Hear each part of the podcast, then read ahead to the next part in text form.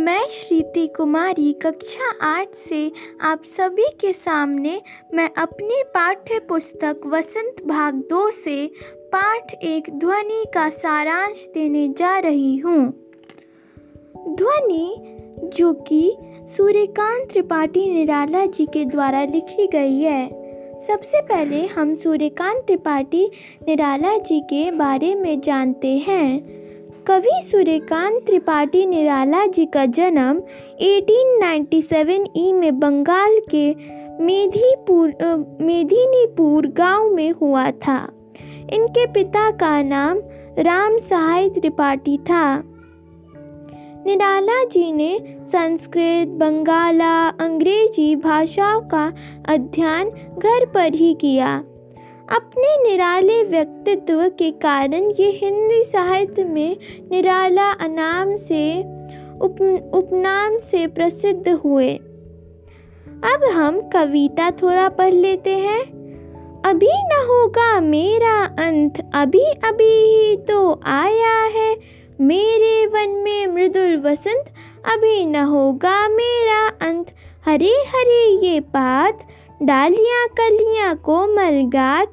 मैं ही अपना स्वप्न मृदुल कर फेरूँगा निर्दित कलियों पर। जगह एक प्रत्युष मनोहर। पुष्प पुष्प से तंद्रालस लालसा खींच लूँगा मैं।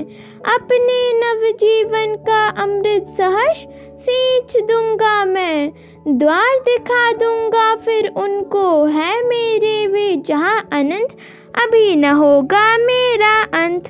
अब हम आ, अब हम कविता का सार पढ़ लेते हैं।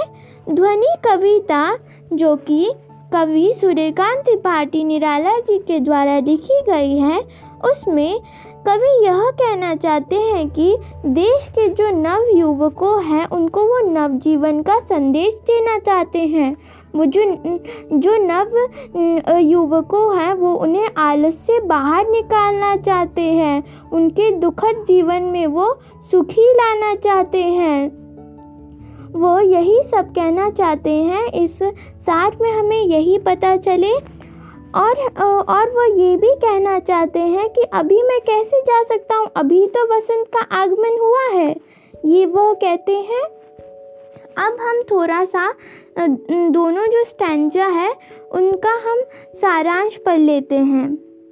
कवि पहले कवि पहले आ, पहले वाक्यांश में कहना चाहते हैं कि कवि कहते हैं कि अपने जीवन रूपी उपवन में अभी अभी तो वसंत आया है। मतलब कि अर्थात उनके जीवन में आए सुखद वसंत ने अभी अभी तो उत्साह से भर दिया है। अभी उनका अंत नहीं।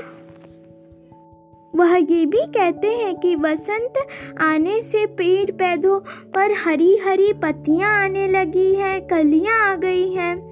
इसी प्रकार उनका जीवन भी मस्ती से भरा रहे।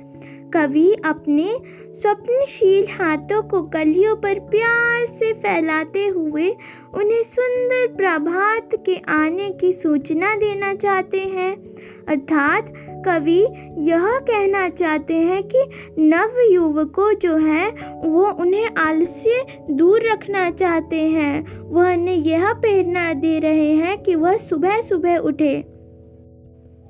सेकंड श्लोक में कवि यह कहते हैं कि जो फूल और निध का जो आलस्य छाया हुआ है, वह उसे सींच लेना चाहते हैं।